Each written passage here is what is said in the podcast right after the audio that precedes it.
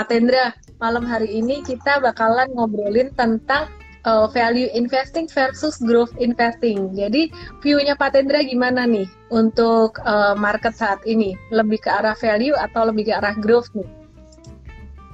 Oke, okay, uh, kita lihat ya, memang beberapa waktu terakhir ini topiknya sangat hangat sekali antara kita lihat perbincangan mengenai value stock, kemudian juga untuk growth investing. Tetapi satu fakta yang kita lihat, memang secara untuk di indeks MSCI, untuk yang global ya, di World Index, itu terlihat dari untuk dua tahun terakhir, untuk di growth investing itu jauh outperform dibandingkan dengan kita lihat untuk di value investing. Jadi terlihat dari untuk indeksnya sendiri. Dan kalau kita lihat di Indonesia sendiri juga, itu terrefleksi dengan beberapa indikator untuk di uh, beberapa sektor yang menjadi untuk di proxy dari growth investing, terutama itu adalah IDX Techno.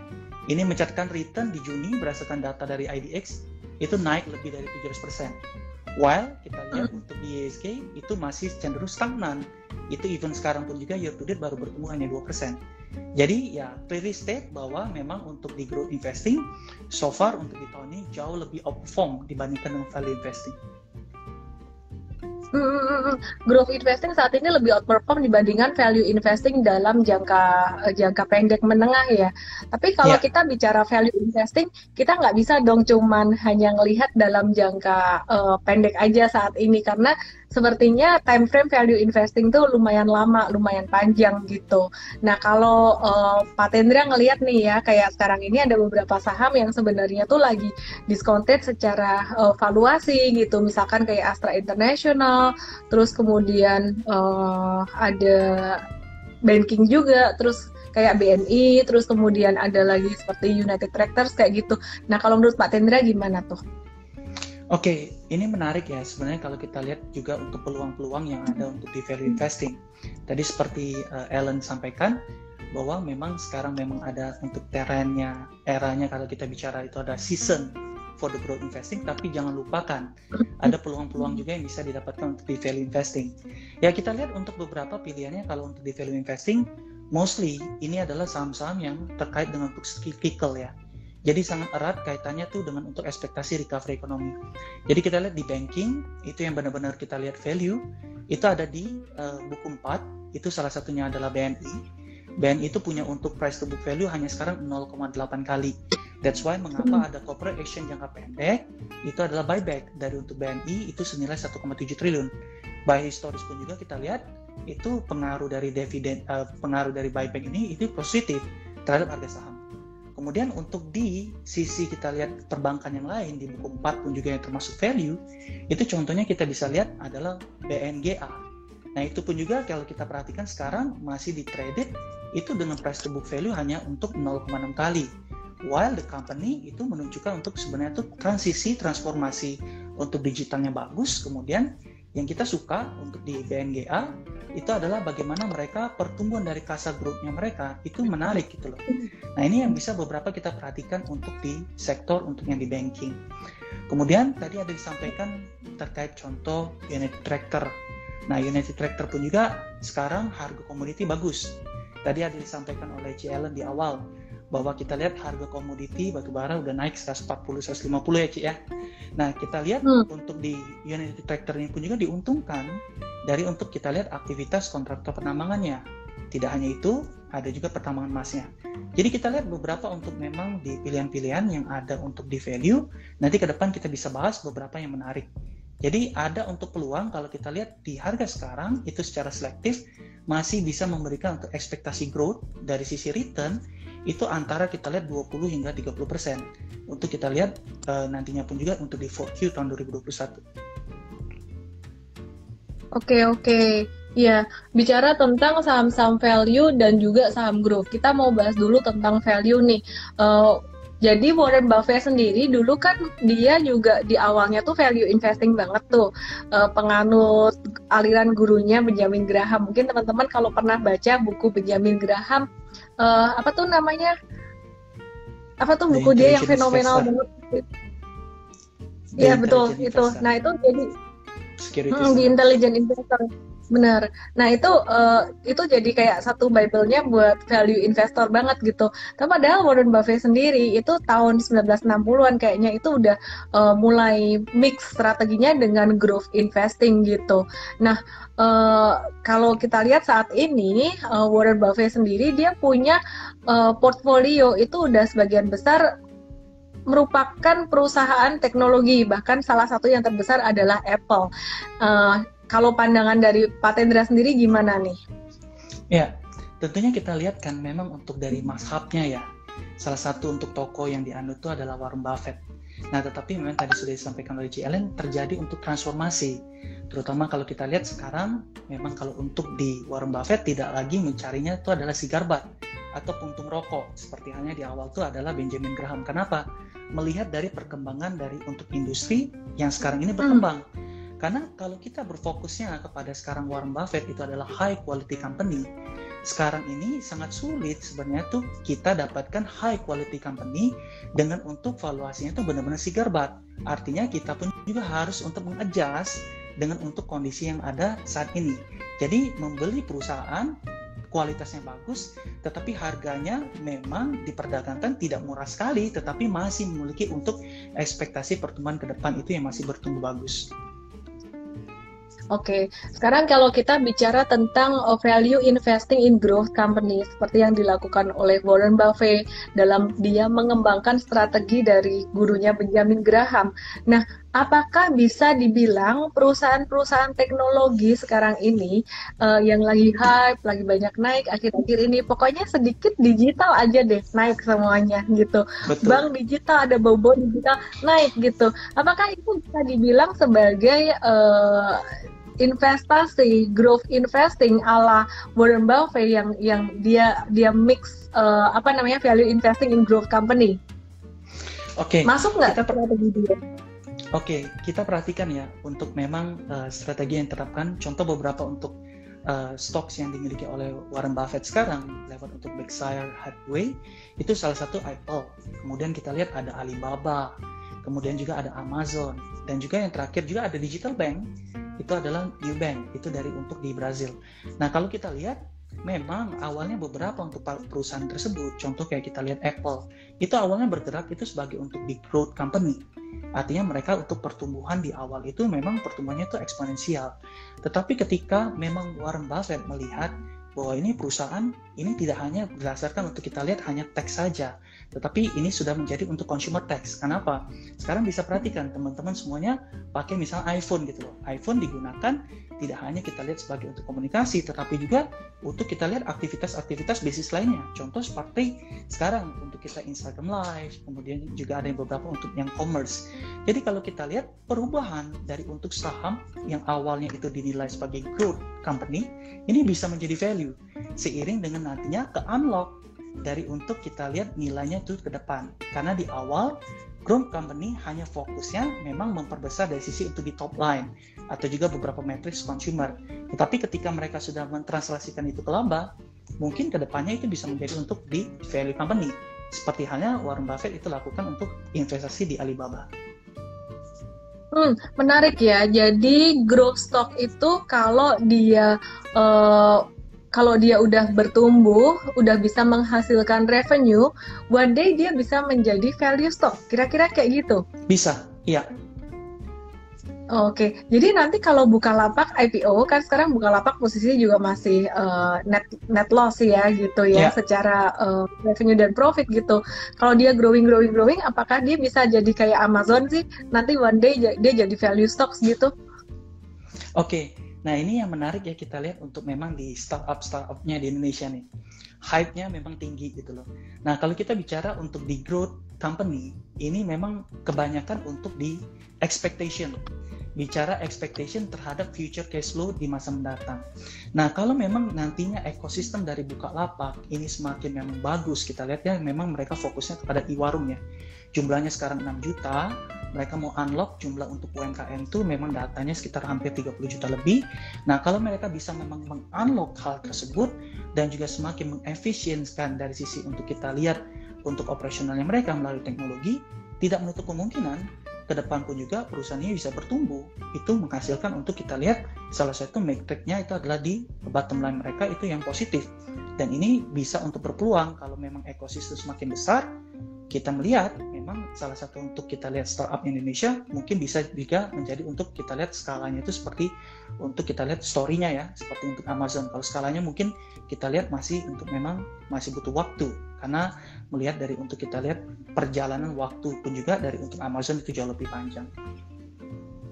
Oke oke oke. Kalau bicara tentang value investing, uh, value investing and growth investing, rasanya nggak semua orang bisa melakukan value investing yang harus sabar dalam rentang waktu lama. Sementara itu uh, di tengah-tengah perjalanan uh, bisa mengalami fluktuasi, bisa agak-agak rugi dulu, kadang-kadang kena value trap, uh, ya jadi ada floating loss kayak gitu. Sebenarnya menurut Pak Tendra nih ya, siapa sih orang uh, profil seperti apa nih yang cocok untuk value investing, uh, kemudian investor seperti apa yang cocok untuk growth investing. Nah, menarik sekali Alan tadi disampaikan. Karena memang penerapan strategi ini dibalikan kepada untuk individu masing-masing dari investornya. Jadi kalau kita perhatikan tadi kriteria di value investing itu adalah beli suatu perusahaan yang memang dihargai itu jauh lebih rendah dibandingkan nilai intrinsik. Artinya apa? Ini lebih cenderung untuk cocok kepada investor-investor yang punya untuk risk appetite-nya itu adalah yang moderate to low. Sedangkan kalau kita lihat di growth, growth juga teman-teman ingat ya, tidak hanya sisi return-nya, return-nya boleh naik 17%, tetapi ketika expectation ini tidak memang bisa dipenuhi, bisa terjadi untuk bagaimana nanti harga sahamnya itu turun jauh dan itu wajar yang terjadi untuk di growth stock. Hmm. Nah, kita lihat ini memang cocok untuk di investor dengan tipenya itu adalah moderate to high yang untuk memang risk appetite-nya itu tinggi. Nah, jadi bisa disesuaikan dari sisi untuk di masing-masing tipe investor. Hmm, oke okay, oke. Okay. Ya, mungkin sebelum aku jawab pertanyaan dari teman-teman nih ya, ada mulai ada beberapa pertanyaan yang masuk. Uh, saya mau nambahin dikit kali ya. Siapa sih yang cocok untuk value investing? Benar-benar jangka panjang banget. Siapa yang cocok untuk growth investing? Setelah uh, kita banyak berkomunikasi dengan teman-teman investor retail, ternyata tuh banyak banyak orang yang mau returnnya gede. Kan katanya kalau value investing bisa multi bagger gitu ya. Tapi ternyata sangat sedikit sekali yang mau sabar. Dan sangat sedikit sekali yang benar-benar mengerti prinsip tentang value investing gitu. Bahkan banyak yang salah kaprah. Di sini ada yang nanya tadi oh, bukannya value investing itu menilai grow perusahaan juga ya? Enggak teman-teman. Kalau value investing yang murni si garbat investing uh, value investing yang murni value investing dari Benjamin Graham itu benar benar-benar cuman ngelihat valuasi aja pokoknya murah banget gitu. Nah, kalau udah ngelihat kualitas perusahaan, kalau udah ngelihat manajemen dan inovasi itu udah mix dengan growth investing. Prinsipnya kalau value investing ya harus sabar dan hati-hati bisa kena value trap. Nah, ternyata setelah uh, kita banyak ngobrol dengan teman-teman investor retail baik di Instagram Live maupun di M-Trade juga, saya melihat bahwa uh, sebenarnya teman-teman investor retail ini lebih banyak yang pengen cuan cepat gitu. Cuan cepat itu gimana? Pokoknya mau saham yang yang naiknya cepat ya. Jadi kesimpulannya mungkin lebih banyak teman-teman yang cocok ke uh, growth growth stock gitu growth stock atau mungkin bisa dibilang kalau secara teknikal itu trend following gitu. Kalau Pak Tendra ngelihat ya uh, untuk perusahaan yang cocok untuk value investing itu apa aja? Ya mungkin saham-sahamnya tuh apa aja selain yang tadi udah disebut atau mungkin mau diulang lagi nggak apa-apa. Kemudian yang kedua untuk growth investing apa aja nih yang menarik? Langsung aja sebelum koneksinya nanti e, ngadat lagi gitu. Jadi langsung ke dagingnya nih langsung ke daging filet oke kalau kita bicara untuk di growth dulu ya yang menarik ya. Jadi tetap pilihannya tuh ada di untuk digital banks. Karena digital banks tuh mereka punya liquidity itu tinggi kemudian market cap uh, market capitalization juga besar Nah, kalau kita lihat beberapa untuk topics buat yang ada di digital banks, itu memang yang pertama tuh ada di Arto. Nah, Arto ini memang ada untuk juga katalis positif dari untuk nantinya di rebalancing index di Oktober tahun 2021 ini, ini masuk untuk top 10 dari biggest market cap after float. Itu salah satu Arto. Nah, tetapi memang Arto baik untuk target fundamentalnya untuk dari sisi untuk di konsensus itu ada di angka 17.000 sampai 20.000. Nah, yang menarik juga sebenarnya di digital banks itu teman-teman bisa juga mempertimbangkan untuk melihat untuk potensi di second tier dari untuk kita lihat saham-saham digital bank. Contohnya kita lihat yang punya ekosistem itu ada BANK, Kemudian yang kedua kita lihat itu ada contohnya di agro, yaitu di ekosistemnya di BRI sendiri. Nah, beberapa hmm. teman memang untuk menanyakan target price-nya berapa sih Pak terkait untuk di BRI Inka sama untuk di agro. Nah, memang dari sisi untuk kita di analis pun juga sekarang ini masih memang untuk menggali ya menghitung untuk bagaimana potensi yang ada untuk di perbankan digital ini. Tetapi memang beberapa dari manajemen yang ada untuk di perbankan digital ini mem mematok untuk target setidaknya mereka tuh bisa untuk memang 50% lah. Targetnya itu adalah market cap-nya dari R2. Artinya kalau kita lihat by rata-rata target market cap-nya itu adalah sekitar untuk di 100 triliun. Atau kita compare dengan market cap untuk di second tier banks yang ada, itu masih memiliki upside itu 100%-an. Nah kemudian yang ketiga, ada untuk yang perbankan-perbankan digital yang katanya tuh lucu-lucu, yang kecil-kecil. Nah, kita bisa lihat untuk di beberapa yang memang ada aksi korporasi. Terutama kalau kita lihat ada isu yang memang kita lihat ada beberapa lah pilihan ya. Contoh yang ramai juga diperbincangkan di market contohnya BBYB itu. Nah, karena mereka ada uh, ekosistemnya itu adalah di Alibaba. Nah, liatin aja dari sisi market cap-nya mereka. Market cap-nya mereka sekarang itu baru untuk di bawah 5 triliun Artinya apa? Kalau untuk story untuk digital banking ini akan semakin berkembang, artinya punya kans untuk kita lihat perbankan-perbankan yang kecil ini, ini bisa memiliki upside itu yang tinggi nantinya ke depan. Nah, selanjutnya kita lihat yang di growth stock yang kita tertarik itu memang ada di sektor healthcare. Especially beberapa yang kita lihat memang ada di sektornya tuh rumah sakit. Contohnya yang memang menjadi pilihan kita itu adalah Heal, Mika. Kemudian di laboratorium kita suka itu PRDA, PRDA pun juga sekarang sudah mengalami peningkatan, tapi kita lihat belum untuk fully reflect terhadap kita lihat untuk kinerja fundamentalnya. Karena untuk di PRDA sendiri, kita masih memiliki target fundamental itu ada 10.000 untuk di PRDA. Hmm. Nah, yang menarik untuk di PRDA, ini adalah tren dari untuk perkembangan kita lihat telemedicine ya. Jadi untuk yang berbaik uh, ber, terkait juga digitalnya, tetapi di sektor dari healthcare.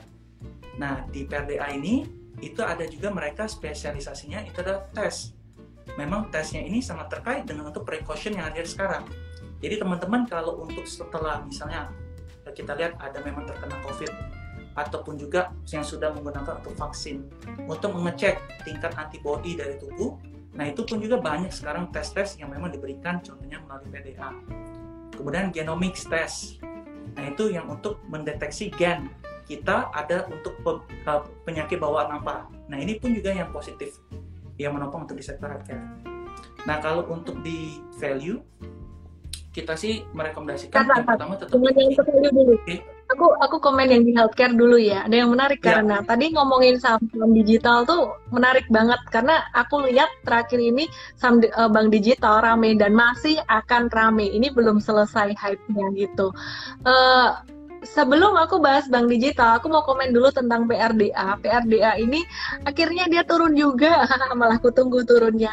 Jadi teman-teman PRDA ini uh, kita nungguin nih sekitar level 7 ribuan, bahkan kalau bisa dikasih di 6.500, wah itu best price banget gitu. Oke, okay, nah sekarang kita mau ngomongin bank digital nih. Kita oprek satu-satu ya. Kemarin sebenarnya lagi ngomongin bank digital tapi belum kelar juga Dikit tentang teknikalnya, uh, Bank Aladin Syariah atau BANK yang tadi juga sempat disebut sama Pak Tendra, uh, dia punya ekosistem uh, ekosistemnya sebenarnya lebih terkait ke Alfamart sih, Alfamart dan kalau Alfamart tuh sebenarnya dia ada kaitannya dengan Gojek juga ya, cuman nggak secara langsung dia terhubung dengan Gojek gitu.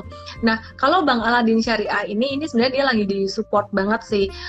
Kalau teman-teman mau spekulatif buy on weakness sih sih ya boleh-boleh aja. Sekali lagi disclaimer ya teman-teman ya.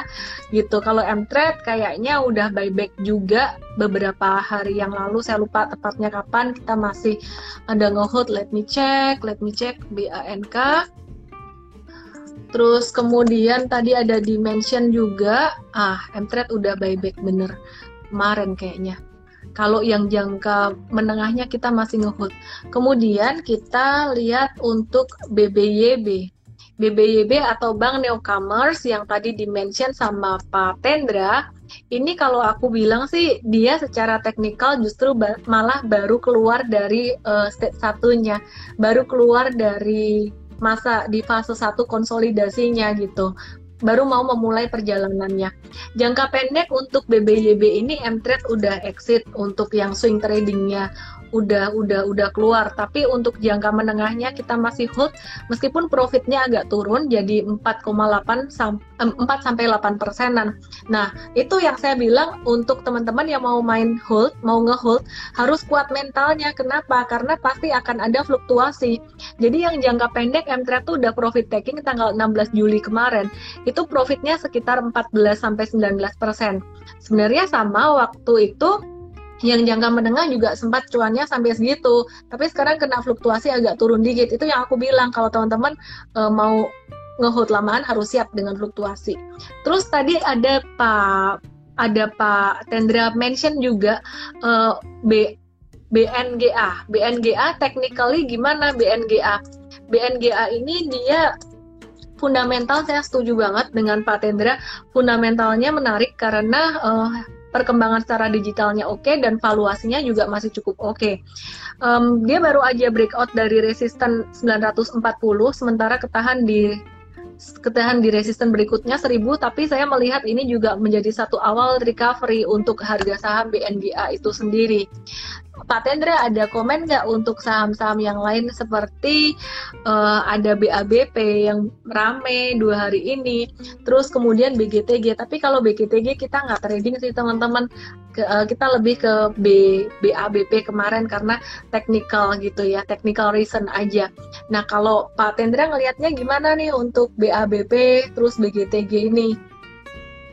Oke, kalau terkait di BABP ya, ini juga masuk di dalam untuk di ekosistemnya di MNC Group. Nah, ini memiliki untuk satu memang value proposition itu yang menarik dibandingkan dengan untuk digital banks yang lain. Karena kalau kita lihat untuk di uh, kita BABP, ini memang ekosistemnya itu ada di digital, terutama media. Nah, di mana ini tidak dimiliki oleh perbankan yang lain.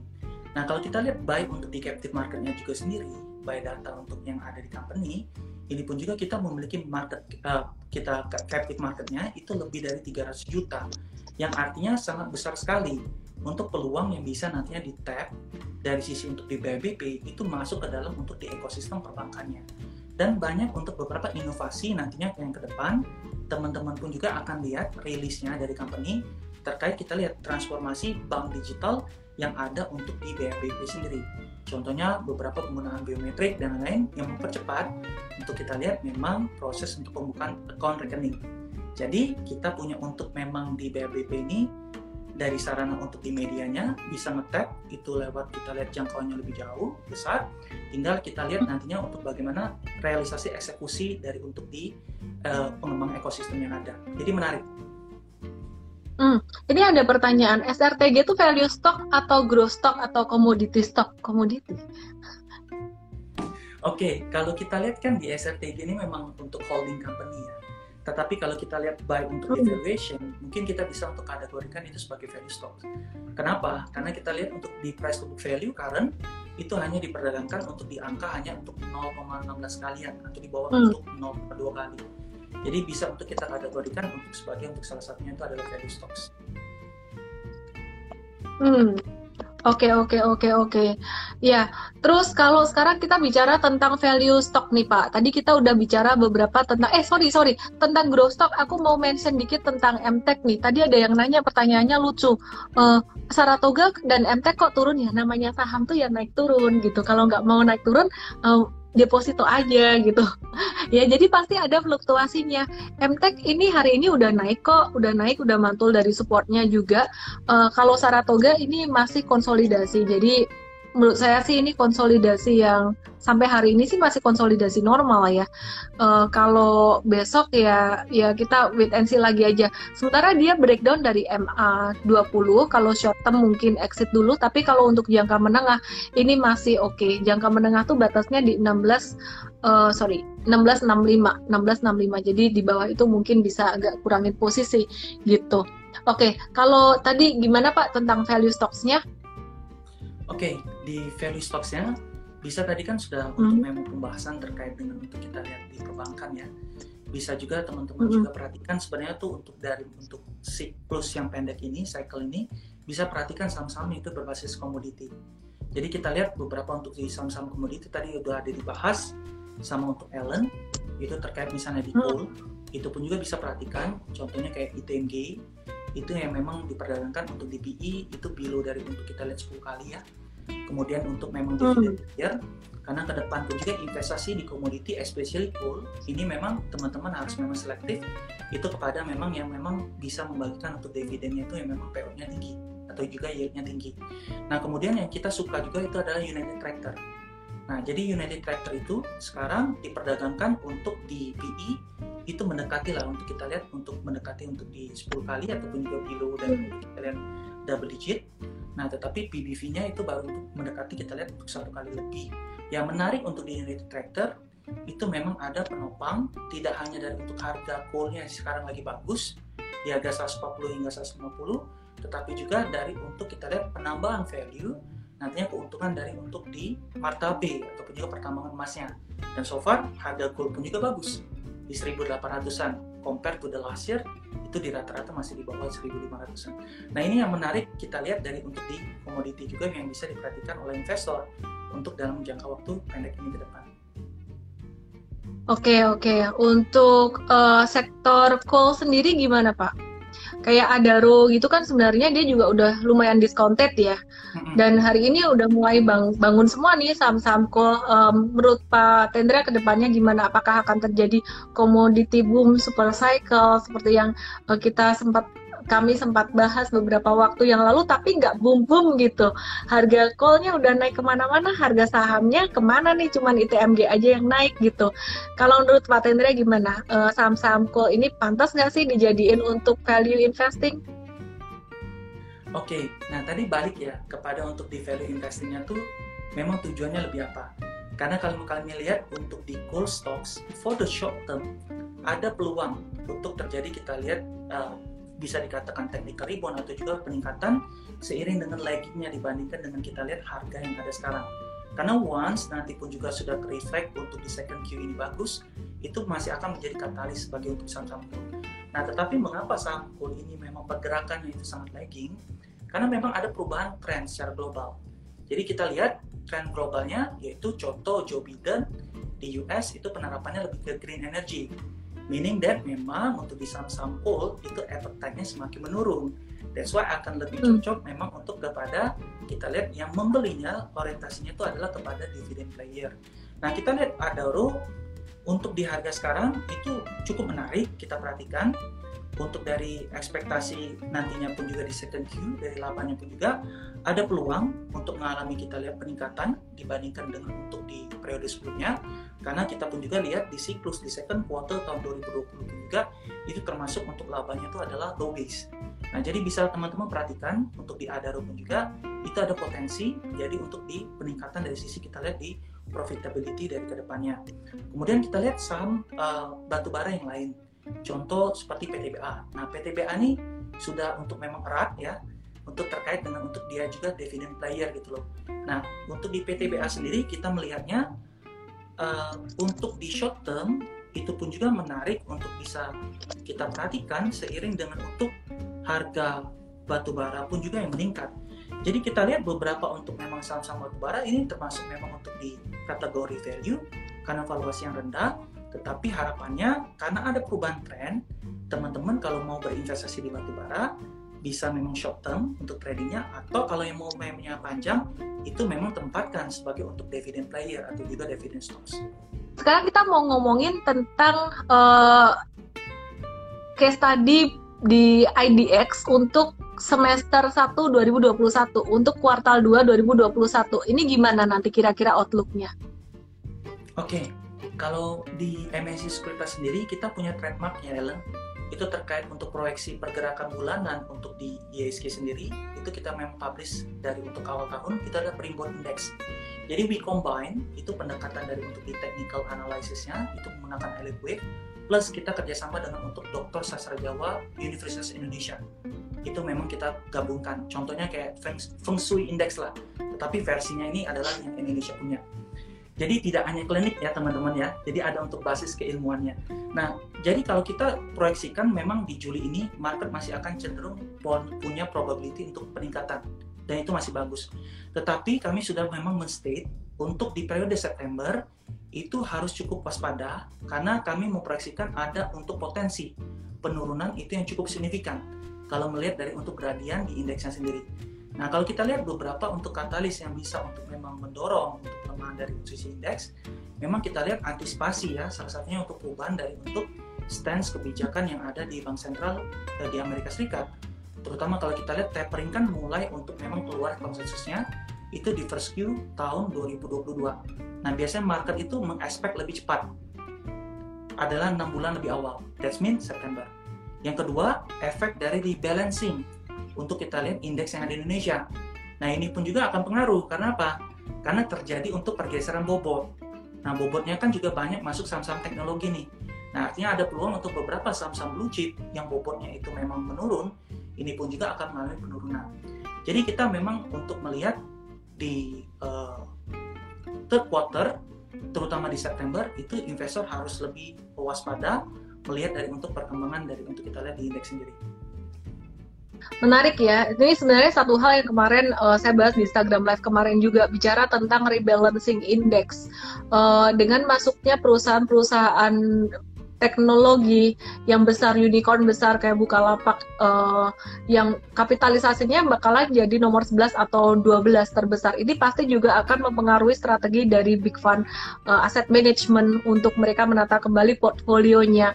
Menata kembali portfolionya artinya apa sih teman-teman rebalancing artinya apa?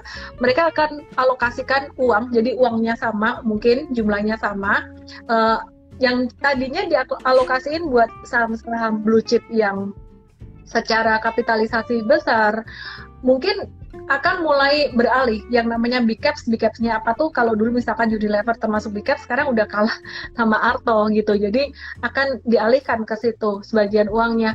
Nah ini juga salah satu hal yang kita perlu waspadai ya. Jadi untuk perusahaan-perusahaan yang saat ini value investing terutama di sektor consumer good teman-teman mungkin pertimbangannya bukan hanya kinerja perusahaan aja. Kalau kinerja perusahaan mungkin uh, anggap aja ICBP Indofood itu masih bisa bertahan. Uh, gudang garam HMSP juga masih bisa bertahan selama orang Indonesia nggak berhenti merokok gitu.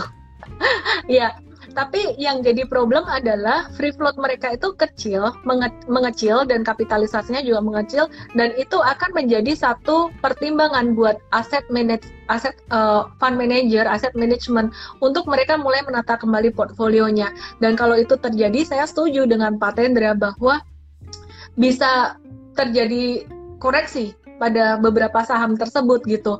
Jadi koreksinya sifatnya mungkin jangka pendek aja gitu mungkin mungkin pada uh, kuartal ketiga nanti mungkin di bulan September. Tapi teman-teman yang value investing harus lebih sabar lagi gitu.